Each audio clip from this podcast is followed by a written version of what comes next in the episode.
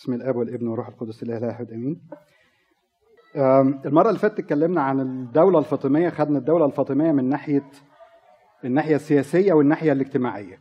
النهارده عايزين نبص على نفس الفترة التاريخية بس من ناحية تانية اللي هي من ناحية الكنيسة وهنشوف الأحداث اللي حصلت في الكنيسة من خلال الشخصيات البابوات والأراخنة اللي كانوا معاصرين للفترة دي. لو نبص بسرعة كده إن عشان نسترجع اللي قلناه المرة اللي فاتت إن في أحداث كتيرة هتبقى مرتبطة من المرة اللي فاتت المرة دي ففي عجالة كده نقول إنه عرفنا مين هم الفاطميين إن هم كانوا مجموعة من الشيعة تحت ال ال اسم الطائفة بتاعتهم كان اسمهم الإسماعيليين كانوا عايشين في بغداد لأن بغداد والعراق كانوا في الوقت ده من السنة فكانوا بيتعرضوا لنوع من الاضطهاد الشديد فأخذوا بعضهم وطلعوا على المغرب. من أول لما اتحطوا في المغرب ابتدوا إن هم يقولوا إن هم هيبنوا دولة. سموا الدولة بتاعتهم الفاطمية. نسبة لإيه حد فاكر؟ فاطمة الزهراء اللي هي بنت الرسول المسلمين ومرات علي بن أبي طالب. اتنقلوا من المغرب الجزائر وعينهم كان تملي على مصر طلعوا على مصر وبنوا أو أسسوا الدولة بتاعتهم. جوهر الصقلي اللي هو بعته المعز اللي بنى القاهرة بنى ثلاث حاجات جامع الأزهر وقصر للمعز والحاجة الثالثه ها؟ مدينة القاهرة. برافو عليك. آه وكان الغرض إن هو يعمل ال ال ال ال أو إنشاء المسجد الأزهر لأن هو كان حلمهم إن هم ينشروا المذهب الشيعي في مصر البلد اللي هم فيها. وبعد كده في الدولة الفاطمية البلاد الأخرى اللي هم متو... يعني متحكمين فيها وبعد كده في العالم. طبعا ده ما حصلش لأن مصر كان مزاجها جدا سني وكان تملي بيقاوموا كانوا بالعكس كانوا بيرفضوا تماما المذهب الشيعي. أهم ثلاث حاجات اتكلمنا طبعا بعد كده عن المعز وبعد كده الحاكم اللي هو ابنه وقد إيه الحاكم بأمر الله ده كان شخصية متذبذبة جدا. وكان بيعمل كل شيء ونقيضه فالناس ما كانتش فاهمة لغاية أما أخته اللي كان اسمها ست الملك جت قتلته في يوم وهو كان على جبل المقطم وهو بيشوف النجوم والفلك ومش عارف إيه. آه طبعا آه. إحنا قلنا المرة اللي فاتت والسبب إن هو منع أكل الملوخية عارفة إيه؟ إن هي كان اسمها ملوكية فده أكل الملوك فما يصحش إن عامة الشعب ياكلوا أكل الملوك. هو كان شخص غريب جدا في كل تصرفاته كان عجيب جدا. أهم ثلاث أحداث حصلت في في الفترة دي معجزة نقل جبل المقطم. حد فاكر حاجة تاني؟ كنيسة القيامة برافو عليكي. إن الحاكم أمر بهدم كنيسة القيامة وده كان يعني أمر في منتهى البشاعة. وبسبب الموضوع بتاع إن هو هدم كنيسة القيامة ابتدت الحروب الصليبية. يعني الغرب ابتدى يقول إن الكلام ده ما ينفعش. الأماكن دي ما تنفعش إن هي تتساب وسط إيدين الناس ال... الناس دول. وبالتالي ابتدت الحروب الصليبية تقوم على الشرق علشان المواضيع يعني ده كان أساسها. وثالث حاجة الشدة العظمى أو الشدة المستنصرية اللي حصلت في أيام المستنصر ب... ب... ب... المستنصر بدين الله. في حاجة إحنا يمكن ما قلناهاش المرة اللي فاتت في معجزة نقل جبل المقطم إنه الثلاث أيام اللي الكنيسة صامتها قبل قبل المعجزة. البابا إبراهيم بن زرعة خلدها وأمر إن هي تكمل. ولضمها في صيام إيه؟ صيام الميلاد. يبقى معنى كده إحنا ممكن نتوقع إن المعجزة حصلت يوم إيه؟ لأ إحنا بنصوم النهارده 25 فإحنا صمنا 25 26 27 والصيام ابتدى 28 فهم الثلاث أيام هم اللي هو صامهم 25 26 27 يبقى المعجزة حصلت يوم إيه؟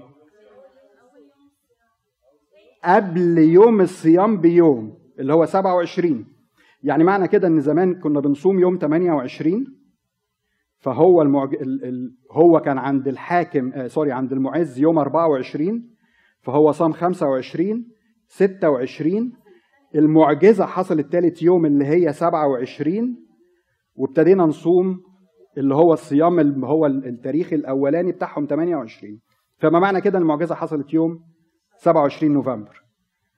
سنة كام؟ دي عليها إشكالية لغاية دلوقتي. مش عارف يعني أنا شخصيا مش عارف أحلها. آه، آه، المكتوب في الكتب إن حصلت سنة 978 بكل تأكيد التاريخ ده غلط. بكل تأكيد التاريخ ده غلط.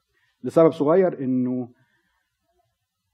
المعز تولى سنة 976 فلو المعجزة حصلت 978 فدي ما كانتش أيام العزيز كانت أيام ما كانتش أيام أنا قلت إيه؟ أنا قلت العزيز تولى 976 وهي المعجزة حصلت أيام المعز. فبالتالي التاريخ ده بكل تأكيد التاريخ ده مش مظبوط. يعني أنا عارف سماح بتشتغل في الموضوع ده ربنا يباركها ويعوضها بس لغاية دلوقتي أنا أو على الأقل اللي ممكن نتوقعه إن المعجزة حصلت 975 هم ليه قالوا 978 بالمناسبة؟ يعني المؤرخين ليه قالوا 978 لأنه تجديد كنيسة أبو سيفين اللي هو طلبها القديس إبراهيم بن زرعه حصلت سنة 978 فهم ربطوا 978 بتاريخ حدوث المعجزة. ولكن المعز اختفى في 976 يعني مش عايزين نخش في المواضيع دي لغاية أما نشوف أو نقدر يعني ربنا يرشد نعرف نوصل إزاي.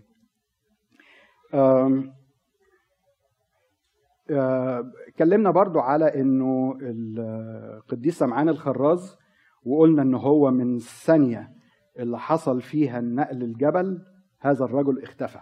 محدش مفيش عين بشر شافته بعد كده. وكان هو بسبب اختفائه إن هو كان عايز يهرب من المجد الباطل مش عايز إن حد يقول إن هو عمل كذا وكذا. ولكن برضو اتكلمنا على إنه ما هياش أعتقد إن ما هياش مصادفة إن واحد ينفذ حرفية المكتوب في الإنجيل ويقلع عينه وإن نفس الشخص هو هو تحصل معاه يعني حدث آخر حرفي إنه ينقل جبل. فأعتقد إن دي ما هياش ما هياش مصادفة. يعني أعتقد كده إن يعني ربنا بيقول له أنت نفذت كلامي بحرفيته وأنا هنفذ لك برضو حاجة أكبر. يعني أنت اديتني عينك أنا هديك جبل وهديك إثبات بحرفيته. آخر حاجة عايزين يعني نراجعها المرة اللي فاتت من المرة اللي فاتت. واحد اسمه بدر الجمالي. فاكرين بدر الجمالي ده؟ قلنا حي إيه في مصر؟ اتسمى على اسمه الجمالية. آه، بدر الجمالي ده كان أيام المستنصر وكان أيام الشدة العظمى واستنجد بيه المستنصر لأنه كان في مجموعة من الأتراك من الجيش. متسببين إلى حد يعني الشدة العظمى دي حصلت لسببين. السبب الأولاني إن فعلا النيل كان منخفض. ولكن كان في برضه مجموعة من الجنود الأتراك كانوا قاطعين السبل على مصر من الشمال والجنوب فما كانش في أي إمدادات أو أي معونات تيجي عليهم فالمستنصر آه، استنجد ببدر الجمالي ده وهو ده كان في سوريا فجه بمجموعة من الجنود السوريين و آه، قضوا على مجموعه الضباط والجنود الأتراك وبعد كده سكن في مصر وهيكون له دور في اللي إحنا هنتكلم فيه النهارده. لازلنا في, في أيام الدولة الفاطمية إن شاء الله نخلصها النهارده. المرة اللي جاية الأيوبية والمملوكية هناخدها على المرتين البابا إبراهيم إبراهيم بن زرعه اهم ما يميزه زي ما قلنا أو يميز الفترة بتاعته اللي هي نقل جبل المقطم.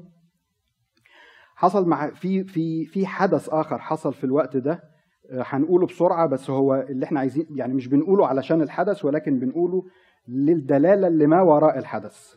الحدث اللي هو إيه؟ كان في الوقت ده كان منتشر حاجة اسمها السراري. عارفين حد aware of سراري؟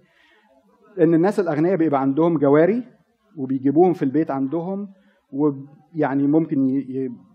يعني ياخدوهم زي أزواج وزوجات وبيخلفوا منهم أبناء. فدي ظاهرة إسلامية اللي هي بتو بتعادل في الإسلام آه، وما ملكت أيمانكم. فحصل إن كان في واحد من الأثرياء اللقباط آه، كان عنده هذه السراري وكان يعني مخلف منهم.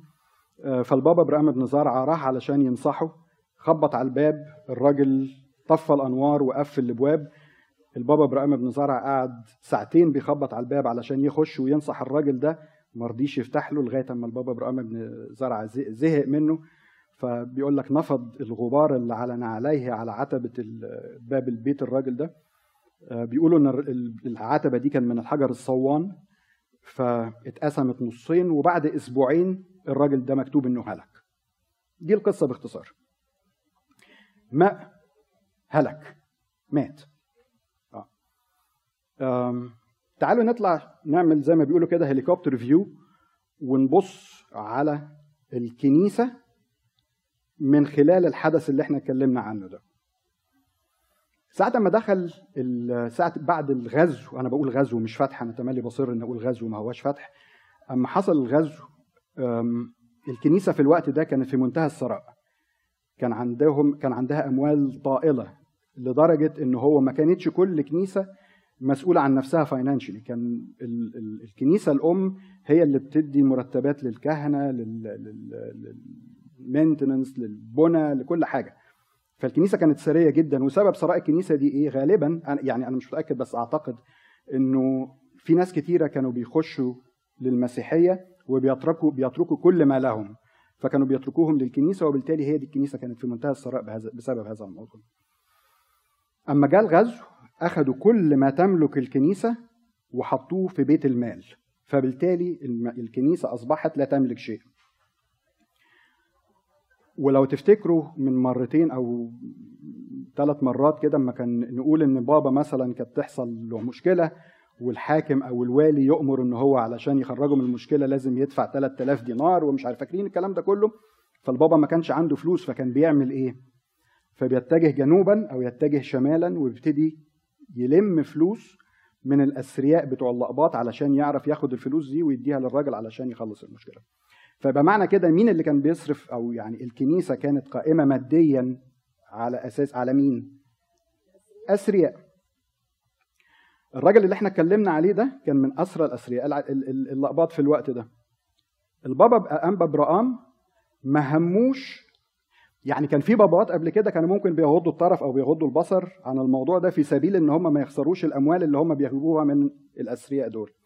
إنما الأنبا برقام كان أهم حاجة عنده ما هياش المال ولكن خلاص شعبه.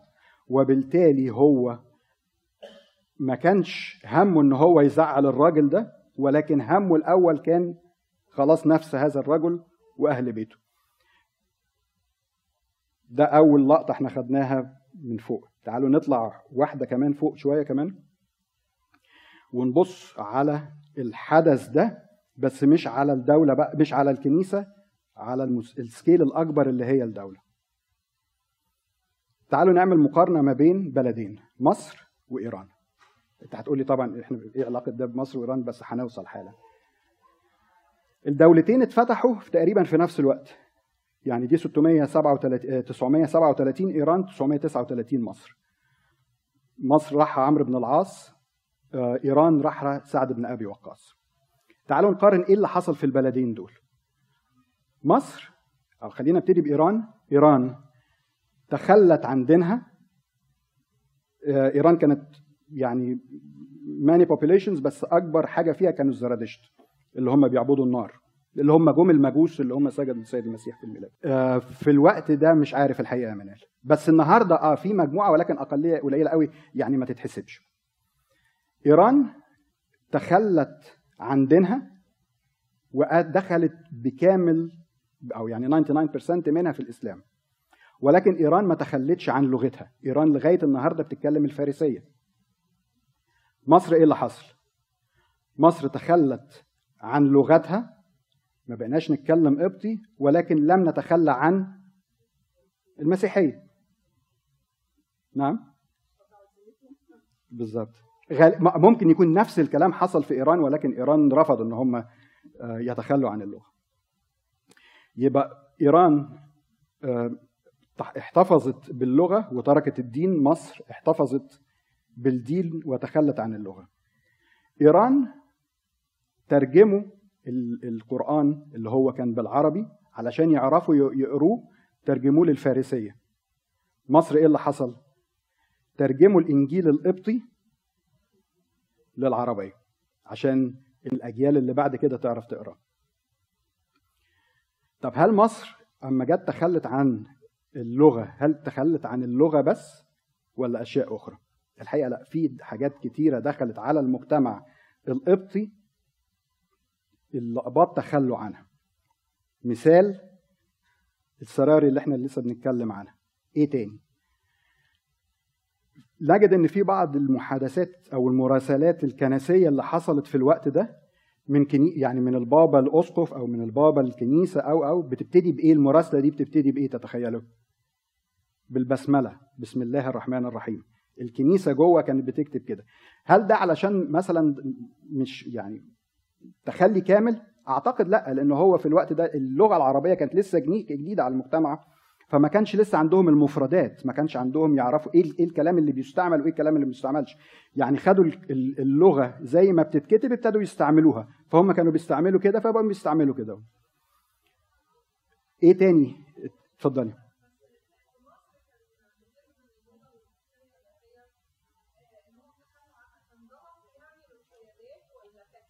كان مجموعة أشياء كتيرة. أولا كانوا هم آه، زي ما بيتقال دلوقتي إن هو جم بعض الولاة كانوا بيقطعوا ألسنة الناس جوه البيوت وهم بيتكلموا. أنا زي ما بقول أنا مش عارف هل هل هل هل كانوا بيعملوا كده والناس برضو تمسكت ولا ما كانوش بيعملوا كده؟ أنا شخصيا مش عارف. آه لو نشوف الأول إنجيل أنا حاولت أجيب صورته بس الحقيقة ما عثرتش فيه. أنا برضو أنا ما شفتوش ولكن قريت. أول إنجيل اترجم للعربية أما تشوف شكل الكتاب بيقول لك ما تقدرش تعرف من بره إذا كان ده إنجيل ولا ولا قرآن. نفس الزخارف النباتية نفس طريقة الكتابة نفس نفس نفس نفس بالظبط زي القرآن. فما تشوف الكتاب لا يمكن تعرف إنه إنجيل لغاية أما تفتح وتعرف إن من جوه ده إنجيل. من ضمن الحاجات برضو اللي يعني مثلا في واحد ابن العسال كتب كتاب عن المعاملات والعبادات. العبادات المسيحية ده راجل مسيحي يعني. العبادات إن هو إزاي مثلا حاجات عن ال عن ال عن ال الطقس واللاهوت والى آخره. لما تيجي بقى تشوف الباب بتاع المعاملات تجد إن هو كتب حاجات في يعني غريبة جدا مش بتاعتنا في يعني يعني كتب مثلا بيقول إيه على الناس اللي بتروح القدس وحج القدس إلى ما استطاع ما استطاع إليه سبيلا. دي آية في القرآن على فكرة. بس بالظبط كده أهو. فشوف التأثر. آه فشوف التأثر كان واصل لحد إيه؟ أما يجي يتكلم على سن الزواج عن البيع عن الشراء عن الميراث عن عن عن الكلام ده كله في في المعاملات copy and paste من من الشريعة.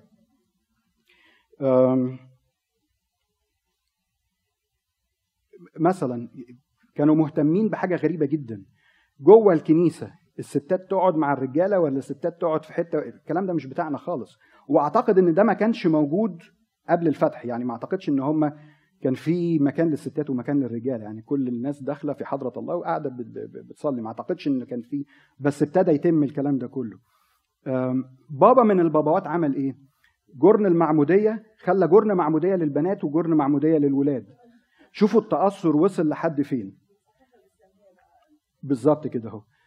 فنرجع تاني نعمل زومينج على موضوع السراري ده إن هو دي كانت عادة أخدها اللقباط وابتدت تحاربها الكنيسة لغاية أما قدرت إن هي تقضي عليها.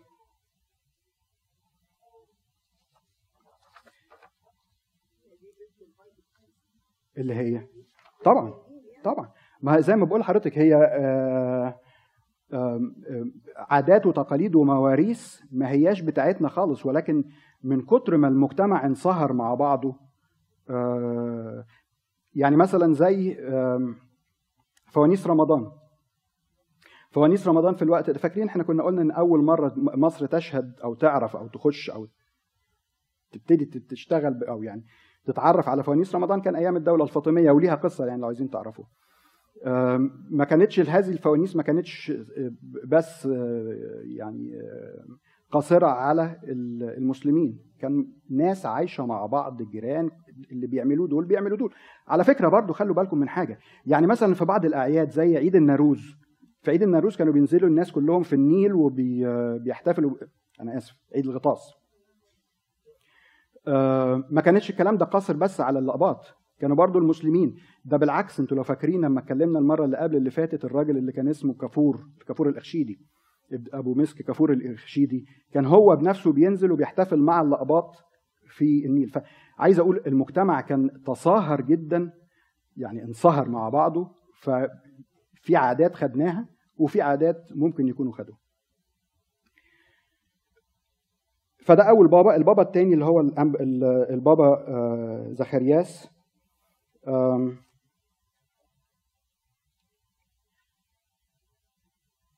ده كان أيام الحاكم بأمر الله. اختلف مرة مع الحاكم بأمر الله وحصل حاجة غريبة يعني أنا شخصيا مش فاهمها برضو. إن هو بعد ما اختلف معاه الحاكم بأمر الله أمر بالقائه للأسود. أنا بقى ليه مستغرب؟ اولا لأن مصر ما فيهاش أسود. ثانيا العقوبة دي ما كانتش عقوبة يعني آه، معروفة للمجتمع ده. يعني هي أكتر كانت عقوبة بيستعملوها الرومان. آه، ولكن الكتب مكتوبة بهذا الكلام يعني الحادثة دي اتكتبت في في الكتب إن هو رمال الأسود فالأسود قعدت يعني كانها كأنها كلاب قعدت بتلحس رجليه زي دانيال آه. فالحاكم اتغاظ جدا فافتكر إن هم علشان الأسود شبعانة فطلعهم تاني كان هو وواحد راهب تاني نوبي كان اسمه شبشية. وجوع الأسود ثلاث أربع خمس أيام ورجعهم تاني الأسود برضو ما قربت لهمش فراح دابح شاه وعمل وغرق جسمهم بدم الشاه ورماهم تاني برضو ما, يعني ما, ما, ما آذتهمش. آه، لغاية أما الحاكم يا إما غير رأيه لأن زي ما فاكرين إحنا بنقول إنه كان بيغير رأيه بسرعة جدا يا إما حس إن هو فعلا في قوة خارقة ورا الموضوع ده. المهم إن هو عفى عنه. حصل حادثة تانية كان في واحد راهب اسمه آه، بيمن. آه، الراهب بيمن ده كان أسلم ورجع تاني وكان الحاكم بيحبه جدا فكان أي حاجة بيطلبها الراهب بيمن ده كان بيوافق له عليها. فالراهب بيمن ده مرة طلب منه ان هو الأنبا زكرياس عايز يبني شوية كنايس جديدة آه، فدعاه مرة لدير أبو مقار فراح الحاكم وهو هناك الراهب بيمن ده بعت للأنبا زكرياس قال له تعالى لأن الحاكم في الدير فتعالى علشان نطلب منه موضوع. فالمهم البابا جه فالحاكم لقى إن البابا يعني شكله ما هواش جه هو وكل الأساقفة فشاف إن هو الراجل ده يعني ما هواش شكله ما هواش مبهر قوي يعني الأساقفة كلهم طول بعرض ولابسين هدوم مزركشه ومذهبة ومش عارف إيه والبابا شخصيا يعني شكله يعني ما هواش بسيط جدا. فقال لهم هو الراجل ده بيحكم على إيه البلاد اللي هو بيحكم عليها؟ فقالوا له بيحكم على مصر والحبشة والنوبة والخمس مدن الغربيه الغربية وأفريقيا. قال لهم طب مين الستاف بتاعه؟ يعني مين الناس اللي هم بيتحكم فيهم؟ قالوا له الأساقفة اللي هم واقفين دول اللي هو شايفهم طول بعرض ومش عارف إيه. فالراجل اندهش جدا وقال كلمة شهيرة لطيفة الحقيقة. قال لك بالحقيقة ليس في العالم دين ثابت مثل دين النصارى. هوذا نحن نسفك الدماء. وننفق الأموال ونخرج الجيوش وما نطاع. وهذا الرجل الشيخ, الشيخ الحقير المنظر الدميم الخليقة تطيع أهل هذه البلاد كلها بكلمة. معناها أنه إحنا عمالين بجيوش وبنحارب وبنروح وبنيجي وبنقتل وبنتقتل ومش عارفين نحكم. والراجل الضعيف التعبان ده اللي هو ما عندوش غير صليبه بيعرف يخلي كل الناس دي تطيعه. حصل تحول غريب جدا في في سلوك الحاكم بعد كده. وزي ما قلنا المرة اللي فاتت أنا يعني ما حدش عارف هو ده ده التحول ده طبيعي لأن هو كان راجل يعني متذبذب ولا في شاف حاجة حدث آه، آه، إلهي هو اللي غيته خليته يغير في سلوكه. يعني هو بعد ما كان بيعمل كل الكلام ده في النصارى بعد كده بقى بيعمل إيه؟ فتح الكنائس كلها. تعاد إليها ما نهب منها من أخشاب وأعمدة وطوب. آه، أعفى المسيحيين من الزي الخاص. حمل الصليب على صدور حمل الصليب على صدورهم. صرح بضرب النواقيس. التغير ده حصل ليه؟ محدش عارف. ما هو اما يتغير إلهي يا إما زي طبيعة شخصيته إن هو متذبذب جدا. فممكن تكون احد الله اعلم ما أعرفش. ما أعرفش. البابا اللي بعد كده اللي هو البابا خريستودولوس كانت الفترة بتاعت الراجل ده الحقيقة كانت صعبة جدا وكان مضطهد جدا من واحد اسمه محمد البازوري. محمد البازوري ده كان شخص صعب جدا وكان مساعده على كده قرية اسمها قرية اللواتة. آه، خطفوا البابا وطلبوا منه 3000 دينار عشان يفرجوا عنهم لغاية فعلا إن هم آه، أفرجوا عنه بعد ما دفعوا الفلوس كان قافلين كل الكنايس في الوقت ده لدرجة إن هو البابا طلب يفتح كنيسة واحدة بس علشان الناس تصلي عليه ففرضوا عليهم ضريبة باهظة جدا عشان يفتحوا كنيسة واحدة بس الناس تعرف تصلي فيها. في وقت البابا برضو في الفترة دي يعني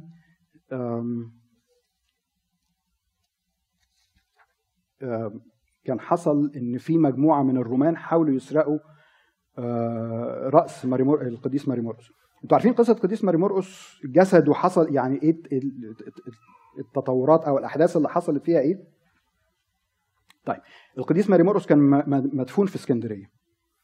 في وقت عمرو بن العاص جه كان يعني دخل وكان في أسطول كان مسايب مصر. ففي واحد من البحارة راح راح عن الكنيسة اللي فيها القديس ماري مرقس وأخذ الرأس وحطها معاه وخدها وحطها في المركب.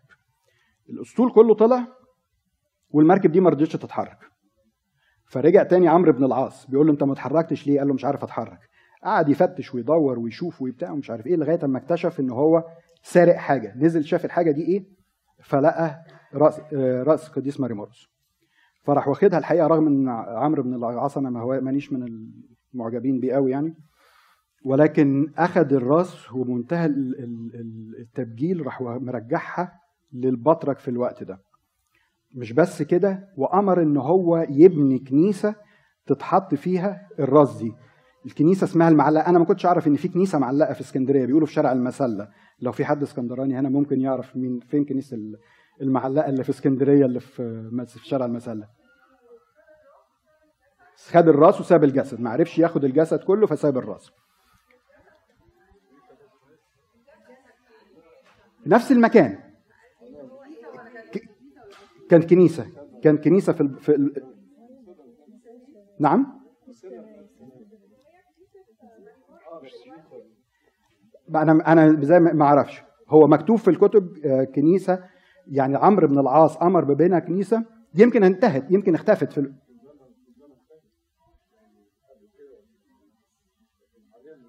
ما أنا بقول لحضرتك هي ممكن كانت موجودة واندثرت.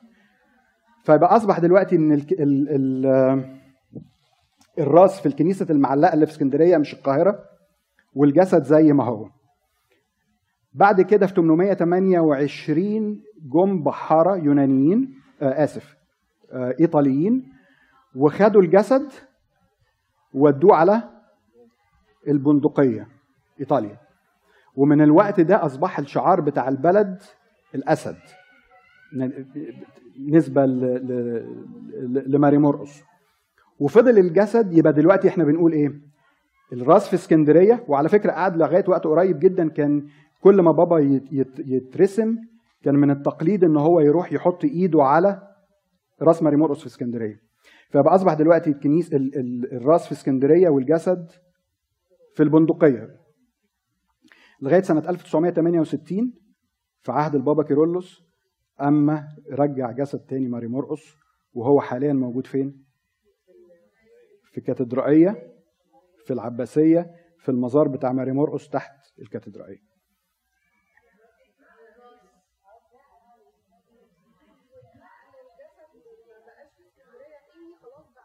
مش في اسكندرية. أيوه مظبوط. في اسكندرية في اسكندرية. راس في اسكندرية إلى هذه اللحظة. أعتقد إن هي في كنيسة المرقصية اللي في اسكندرية.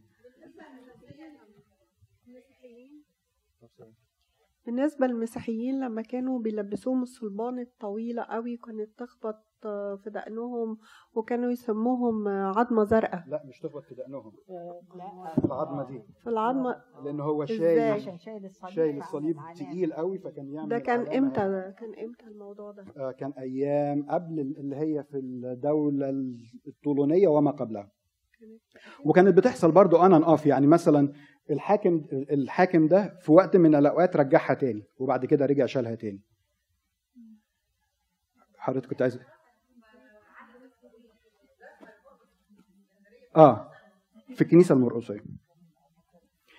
آه، برضو السؤال اللي أنا مش عارفه أو يعني النقطة اللي أنا مش عارفها هل أما جسد ماري مرقص رجع في سنة 1968 هل رجعوا كله ولا لسه في جزء محتفظ بيه في في في في في, في الفاتيكان مش عارف الحقيقة. بس أعتقد إن هم مش هيسيبوا البركة دي يعني أكيد هيخلوا في جزء عندهم في أيام البابا كريستودروس برضو حصلت الشدة المستنصرية أو الشدة العظمى. آه، ودي كانت من يعني كانت فترة صعبة جدا. ولو فاكرين إن هو من كتر ما الفترة دي كانت صعبة كان الناس بتاكل بعضها. يعني ابتدوا ياكلوا القطط والكلاب وبعد كده ابتدوا ياكلوا الأطفال وبعد كده ابتدوا ياكلوا بعضهم. لغاية ما حصلت الحادثة المشهورة إن ثلاثة حرامية مسكوهم وعلقوهم في الشارع. جم تاني يوم لقوا الناس كلوهم من كتر ال- الصعوبة بتاعت الفترة دي. نعم؟ في أيام المستنصر. ده كان ألف كانت ألف و يعني ممكن نقول ألف واثنين ألف وثلاثة ألف وأربعة. ما ده زي زي ما بنقول حصلت لسببين السبب الأولاني إنه النيل انخفض فما بقاش فيه زراعة حصل جفاف وكان في مجموعة من الجيش في الوقت ده من الأتراك كانوا قاطعين الطرق على مصر من من من الشمال ومن الجنوب علشان ما يجيش أي مساعدات وعشان كده هو جاب بدر الجمالي علشان يقضي على مجموعة ال- الأتراك دول اللي هم كانوا مانعين المع- ال- المعونة على مصر. البابا اللي بعد كده اللي هو البابا كيرلس الثاني إحنا قلنا فاكرين إن هو جوهر الصقلي هو اللي بنى القاهرة وعمل الأسوار. أيام البابا كيرلس عملوا يعني تجديد آخر وبنوا أسوار جديدة بس بقت أبعد شوية و فوسعت القاهرة. مين اللي عمل ال- الموضوع ده؟ مين المهندس اللي رسم أو يعني اللي عمل ال- المشروع ده؟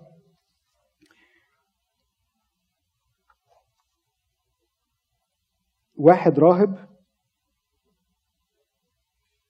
هجيب لحضراتكم اسمه حالا. اهو. الراهب يؤنس. إيه ده؟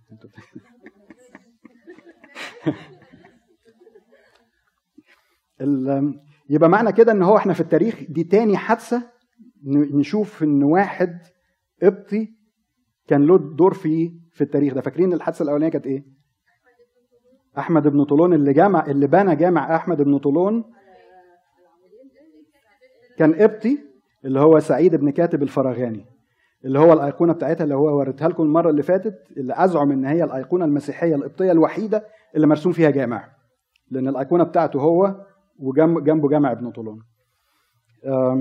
فهو من من يعني أهم يعني أو يعني لقيتها شيء لطيف إن إحنا نعرفه إنه اللي عمل تجديد لأسوار القاهرة كان واحد قبطي اللي هو الراهب آه، يؤنس آه، الفترة دي كانت علاقة طيبة جدا جدا جدا ما بين البابا كيرلس و آه، أو الفترة دي كانت فترة طيبة لدرجة إن هو البابا بعد ما تمت أو بعد ما خلص فترة قعاده في الدير رجع القاهرة عن طريق النيل رست المركب بتاعته في جزيرة الروضة جزيرة الروضه في الوقت ده كان في كنيسة آه، باسم الملاك قعد فيها شوية وبعد كده خدته معدية من من من جزيرة الروضه لبر مصر آه، واستقبلوه استقبال حافل جدا مسيحيين ومسلمين وبعد كده خدوه بمنتهى ال- ال- ال- ال- التبجيل على بيت بدر الجمالي اللي هو كان قائد الجيوش في الوقت ده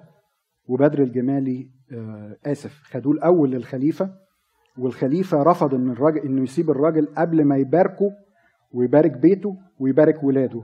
وحصل فعلا وبعد كده ساب بيت الخليفة وطلع على بيت بدر الجمالي ونفس الموضوع آه إن هو بارك بيته وما إلى ذلك. ما كانش في أي مشاكل حاصلة في في في, في وقت البابا كيرلس. كانت حصل بس مشكلة صغيرة جدا. وزعل منه بدر الجمالي إن هو جات له هدية مرة من مملكة النوبة ف عرف بعد كده إن الهدية دي كانت مش عارف رايحة للخليفة حاجة كده يعني. وعرف بعد كده إن هم في النوبة هدموا جامع فقال لك زي ما هم هدموا نفس الكلام اللي بيحصل لغاية دلوقتي. بس يعني سحابة صيفه انتهت لكن في العموم كانت الفترة دي فترة طيبة جدا. البابا اللي بعد كده اللي هو البابا غبريال. البابا غبريال كان قائم مقامه قعد فترة طويلة ما اترسمش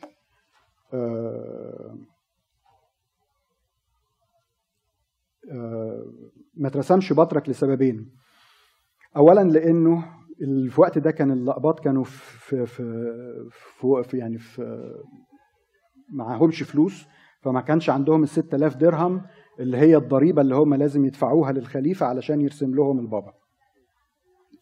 السبب الثاني إن في الوقت ده كانت الحروب الصليبية كانت ابتدت تشتد وكان في واحد راح وشى مش يعني لو لو قلت وشى يعني معنى كده إن هو قال معلومة حقيقية ولكن راح كذب على الخليفة قال له إنه الأقباط بتوع مصر بيلموا فلوس وبيروحوا يدوها عشان يمولوا الحملات الصليبية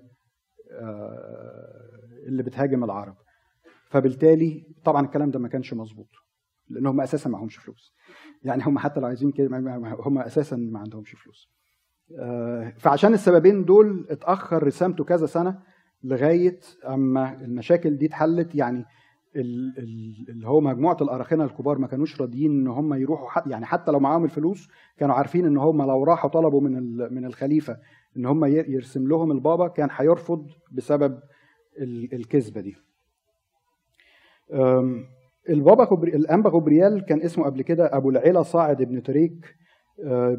كان هو بيشغل منصب مهم جدا في في دواوين الحكومة.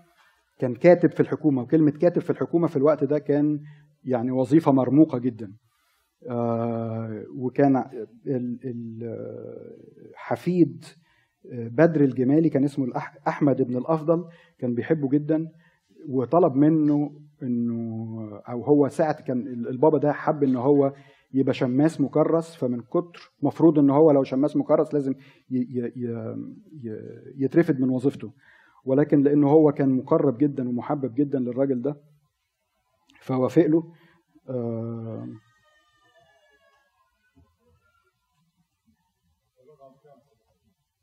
البابا رقم سبعين.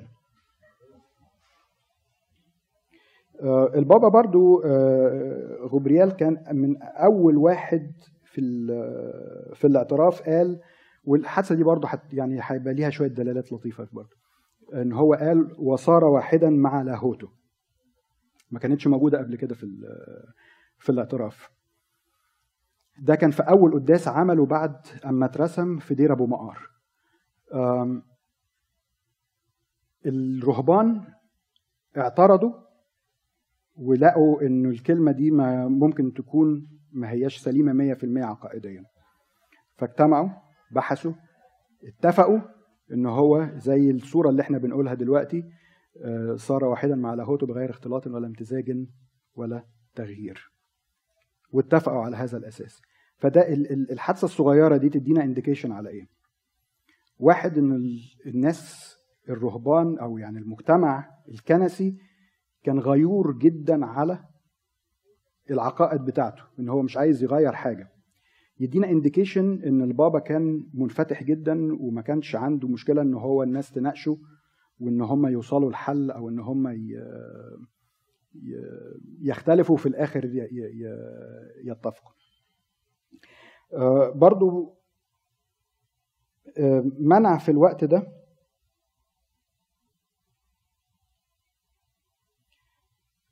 كان يبدو إن أنا يبدو إن هو في الوقت ده إن هو كان في عادة إن يدفنوا آه، الموتى جوه الكنايس آه، أو على الأقل الكهنة بتوع الكنايس والناس اللي هم يعني أثرياء. فهو منع دفن الموتى في في الكنايس برضه منع حاجة غريبة جدا أنا يعني اندهشت لما شفتها إن هو منع تقديم ذبيحة باسم الملاك. أنا ما كنتش أعرف إن هو كان في ذبيحة ممكن تترفع باسم الملاك. وقال إن هو الذبيحة ترفع بس باسم الرب يسوع. برضه كان شيء غريب. مش عارف صدقيني. مش عارف. بس مش هتفرق في حاجة. يعني يعني سواء الملاك ميخائيل أو يعني. بس هي العادة دي جت إزاي؟ شيء غريب. وانتشرت إزاي لغاية ان لغاية ما توصل ان البابا يمنعها يعني كان أمر بالنسبة لي مش مش مألوف قوي. منع آه ان الكهنة يشربوا الخمر وبرده ده كان أمر يعني في حاجات دلوقتي إحنا بناخدها مسلمات بس يبدو ان هي زمان ما كانتش كانت أمر مش مش كده خالص. رتب كتاب البسخة يعني الكتاب البسخة اللي في ايدينا النهارده هو جاي من البابا غبريال. مش الطقوس مش الطقوس ولكن ترتيب كتاب البسخة من ناحية القراءات. يعني الطقوس هو ما غيرش فيها حاجة ولكن القراءات إن في أنهي ساعة تتقري إيه والنبوات وما إلى آخره. نعم؟ ترتيب القراءات مش الطقوس. آه وفي من هنا من أول اللحظة دي ابتدت في الكنائس الوعظة تتقال بالعربي والإنجيل يتقري بالعربي. من أول البابا غبريال.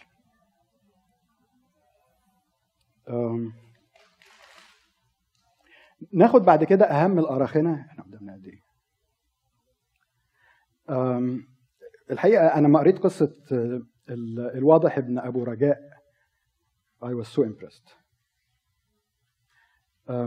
الراجل ده كان شاب صغير مسلم عايش في مصر. مرة كان ماشي في الشارع فلقى مجموعة جنود بيلموا خشب وحطب علشان هيحرقوا شاب مسيحي كان مسلم واتنصر ف وهو معدي فشاف الولد ده فقال له أنت إيه اللي بتعمله في نفسك ده؟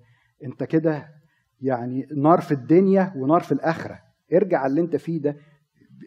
انهي مخ يقول ان انت تعبد ثلاث آلهة؟ قاعد بيحاول يوعظ الولد ده.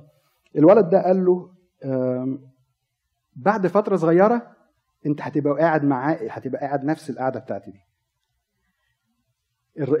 الواضح اتغاظ جدا ولقى انه الكلام اللي بيقوله ده لا يمكن يحصل. مش منطقي ومش هو ابدا اللي ممكن يعمل الموضوع ده. من درجة غيظه إن هو قلع حذائه وقعد يضربه يضرب الولد اللي بيستشهد ده على بقه. بالمناسبة الولد ده اللي هو حرقوه ده يقال إن هو قعد ثلاث أيام الجنود عمالين يرموا حطب جسمه مش بس ما اتغيرش يعني المفروض إن النار بتسود. بيقول لك ازداد بريقا. الواضح رجع بيته كان عنده نوع من اللخبطة الشديدة جدا ما كانش قادر يقبل الكلام اللي هو سمعه ده رغم إن هو عارف إن ده لا يمكن يحصل ولكن كان في حاجة في دماغه بتخليه يتلخبط. الولد آه آه مش الواضح الواضح لسه معانا كتير شوية. قعدوا ثلاث أيام بيرموا عليه حطب فوق النار لا لا هو استشهد على طول. جسمه ما جرولوش حاجة خالص. آه. يعني حتى في الكتب مكتوب إن هو جسمه بقى زي الذهب. أنت عارفين الذهب ما يخش في النار؟ لا ده ازداد بريقا. المهم إن هو الواضح ده واضح يعني كان قعد بعد كده فترة مضطرب.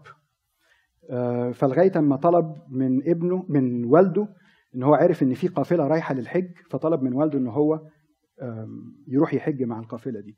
والده انبسط جدا لأنه العيلة كلها كانوا متدينين وكانوا يعني.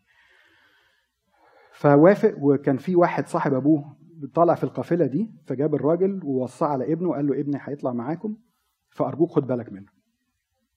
طلعوا الحج و بعد كام يوم وهم نايمين بالليل ألو... الواضح آه، شاف رؤية واحد شيخ وقور جه بيقول له اتبعني تربح نفسك.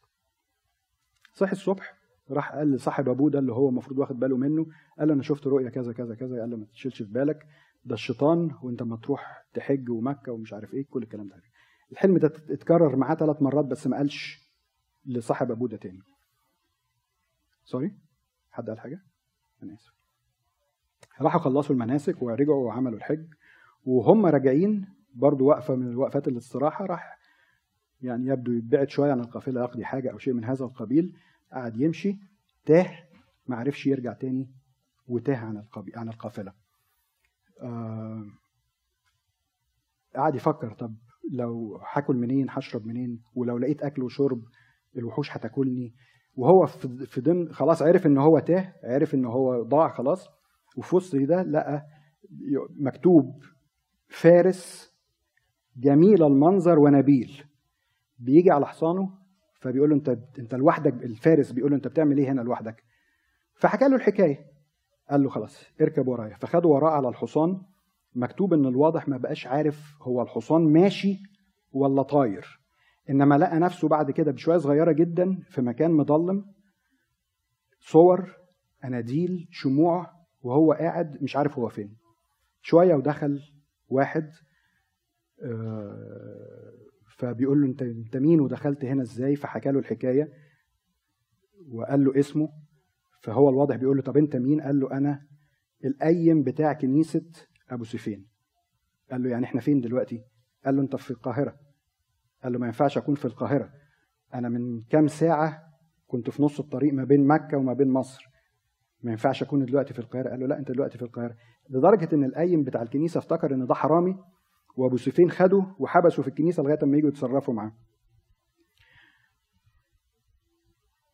تم يعني جه الصبح والراجل برضه ما حدش قادر يفهم هو مش قادر يفهم هو إيه اللي حصل.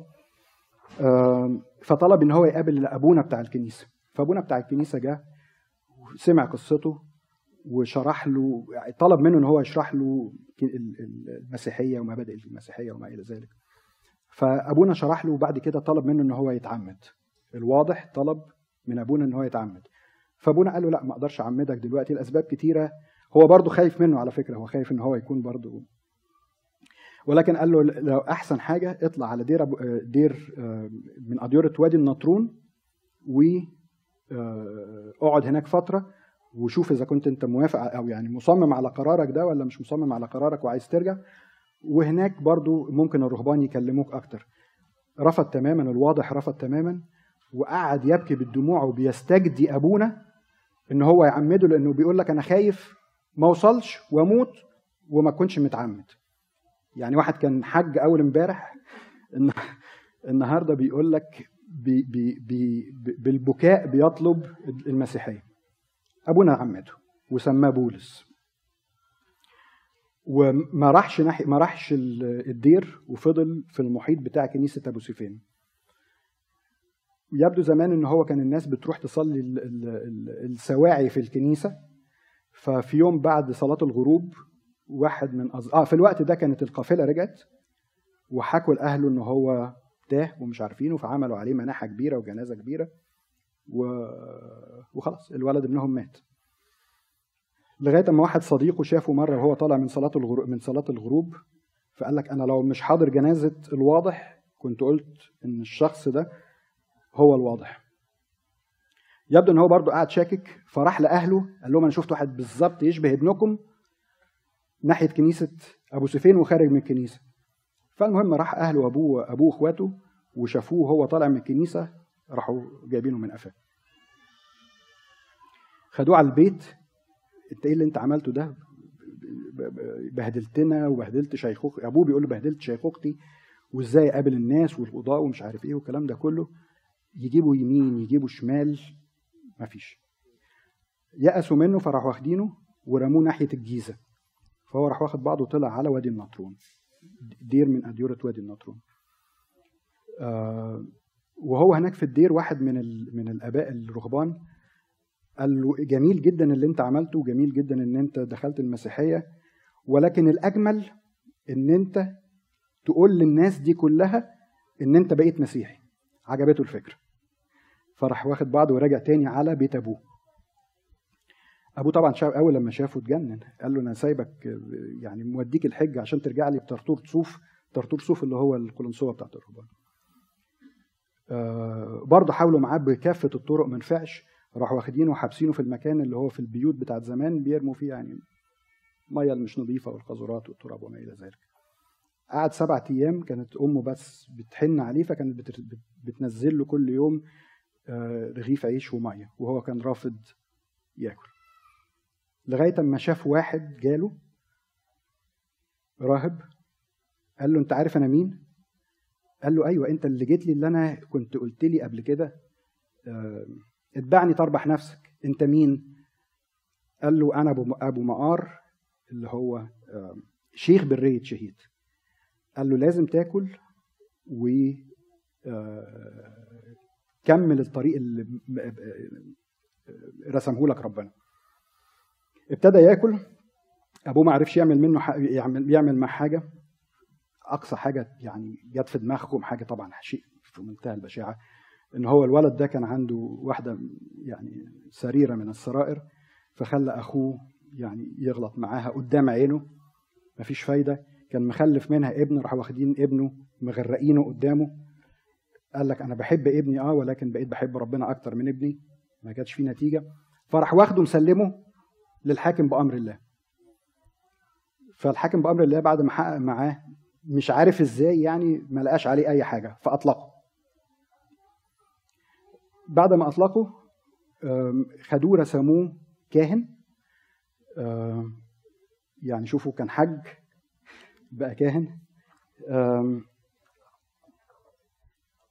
أبونا الحج آه وبعد قبل ما يتنيح يعني في الكنيسة اللي هو كان في قرية من القرى اللي هو كان الكنيسه بتاعته فيها قال لك أكتر ثلاث حاجات تعبتني في حياتي دي كلها ثلاث حاجات.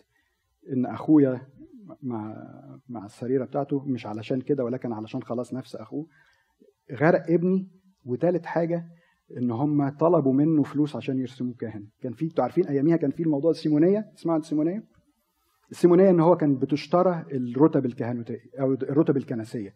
يعني لو عايز تبقى شماس تدفع كذا لو عايز تبقى كاهن تدفع كذا لو عايز تبقى. فاما رسموه كاهن خدوا منه فلوس. فقالت أكتر ثلاث حاجات تعبته في حياته المهم هو يعني ما استشهدش ما ما, ما اتقتلش ولكن مات موتة طبيعية في في في, في القرية اللي هو كان فيها. جم مجموعة من من الغوغاء هبتدوا إن هم يقتلوه ولكن ربنا أراد إن هو تنيح قبل ما ما يقتلوه وخدوه وحتى دفنوه قبل ما يحرقوا جثته. ممكن نكمل ولا خلاص؟ خلاص. الحقيقة النهارده إحنا لسه كان قدامنا شوية حاجات تانية فنحاول المرة الجاية قبل ما نخش في الدولة الأيوبية إن إحنا نخلصها.